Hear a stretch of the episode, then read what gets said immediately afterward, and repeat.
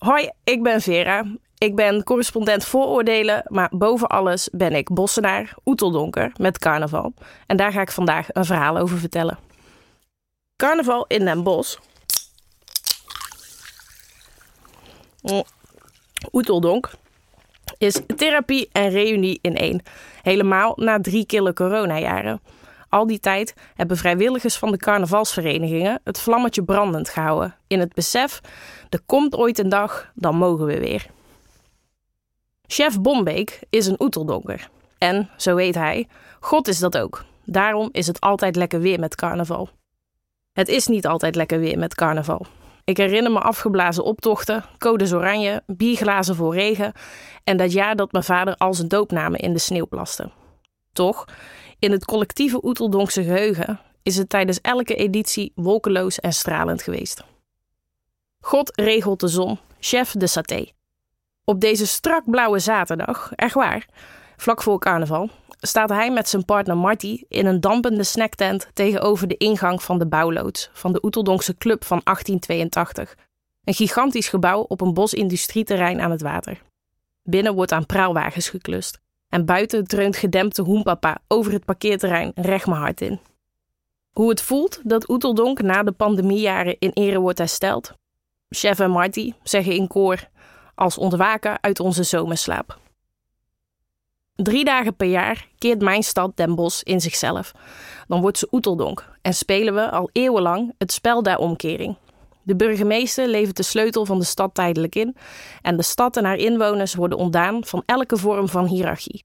Iedereen draagt hetzelfde, een kiel of jas met rood-wit-gele sjaal, zingt hetzelfde, blauw, blauw, ik hou van jou, in een keer per jaar, helemaal geen gemauw, worstelt met dezelfde kater en ontmoet elkaar constant, dagenlang, in staat van totale morsige ontvankelijkheid. Het is een grootse reunie. Blauw, blauw, ik hou van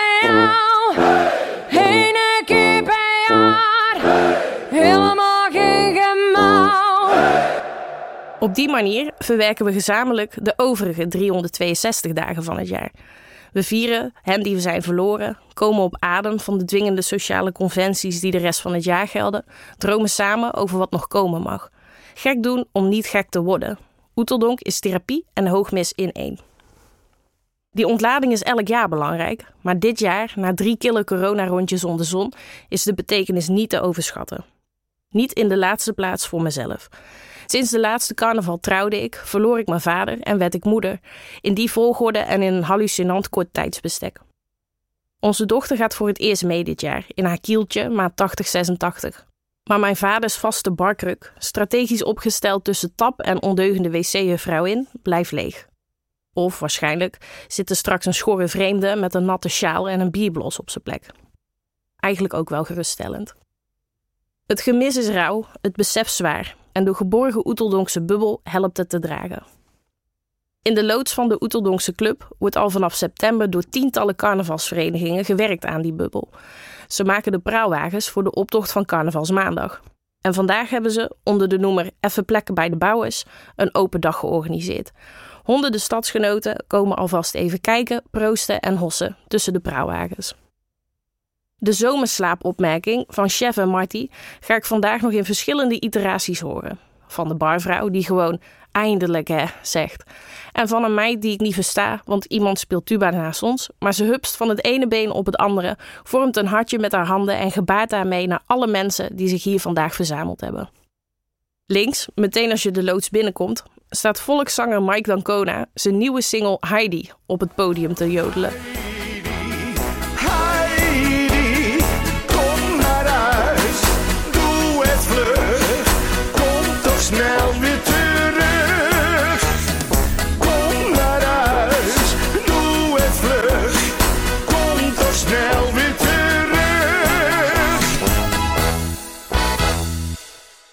Ik schuifel tussen de opa's en oma's, vaders en moeders, kinderen en geliefden.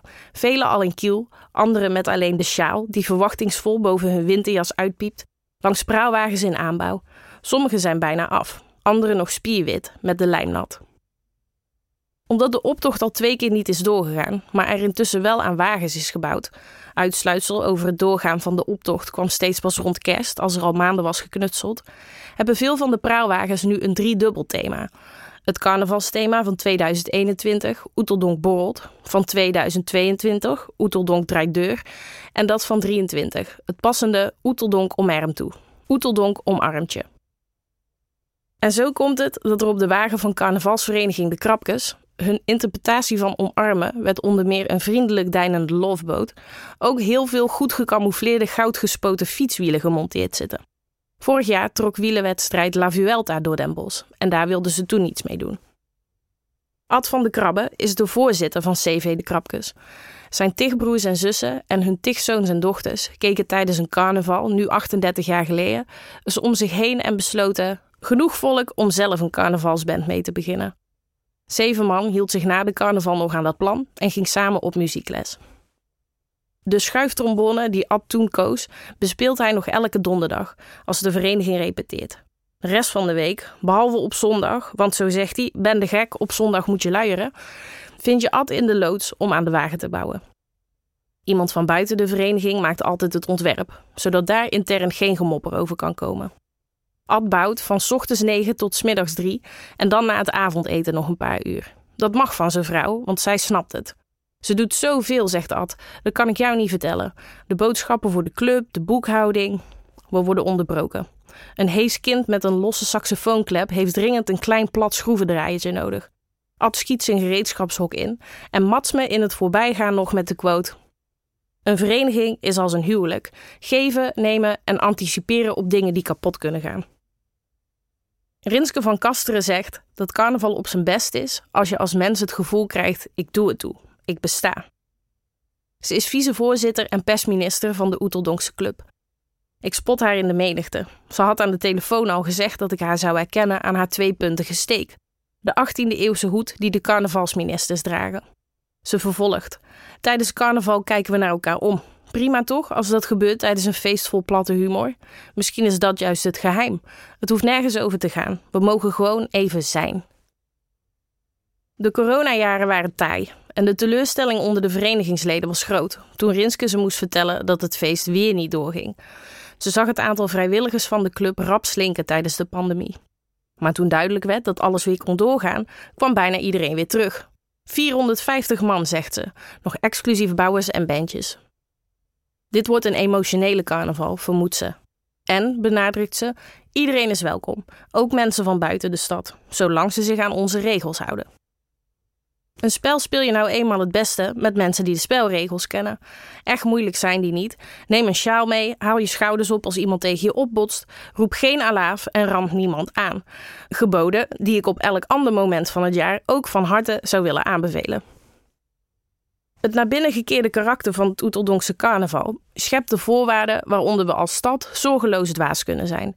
Het lievelingsverhaal van chef Bombeek, ik ben heel even gaan ademen op de parkeerplaats en hij schuift me een brandewijn toe, is niet voor niks dat van de Britse vrachtwagenchauffeur die op de stormachtige carnavalszondag van 1990 met truck en al over de Zaltbommelse brug werd geblazen.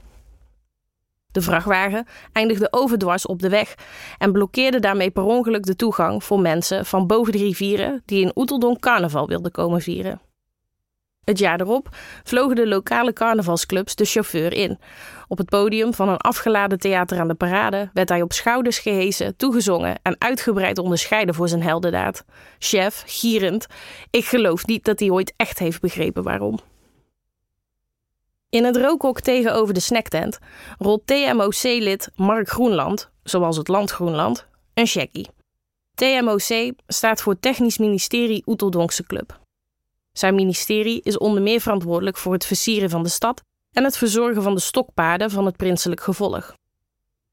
Na het roken smokkelt Mark me via de bar langs de rood-wit-geel betegelde toiletten achter een halfgeverfde praalwagen langs, mede loods in waar knillers wordt bewaard.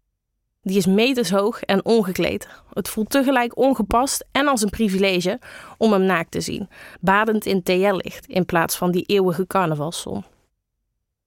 Knilles, je kunt hem uittekenen in zijn kiel, is namelijk het stralende middelpunt van Oeteldonk.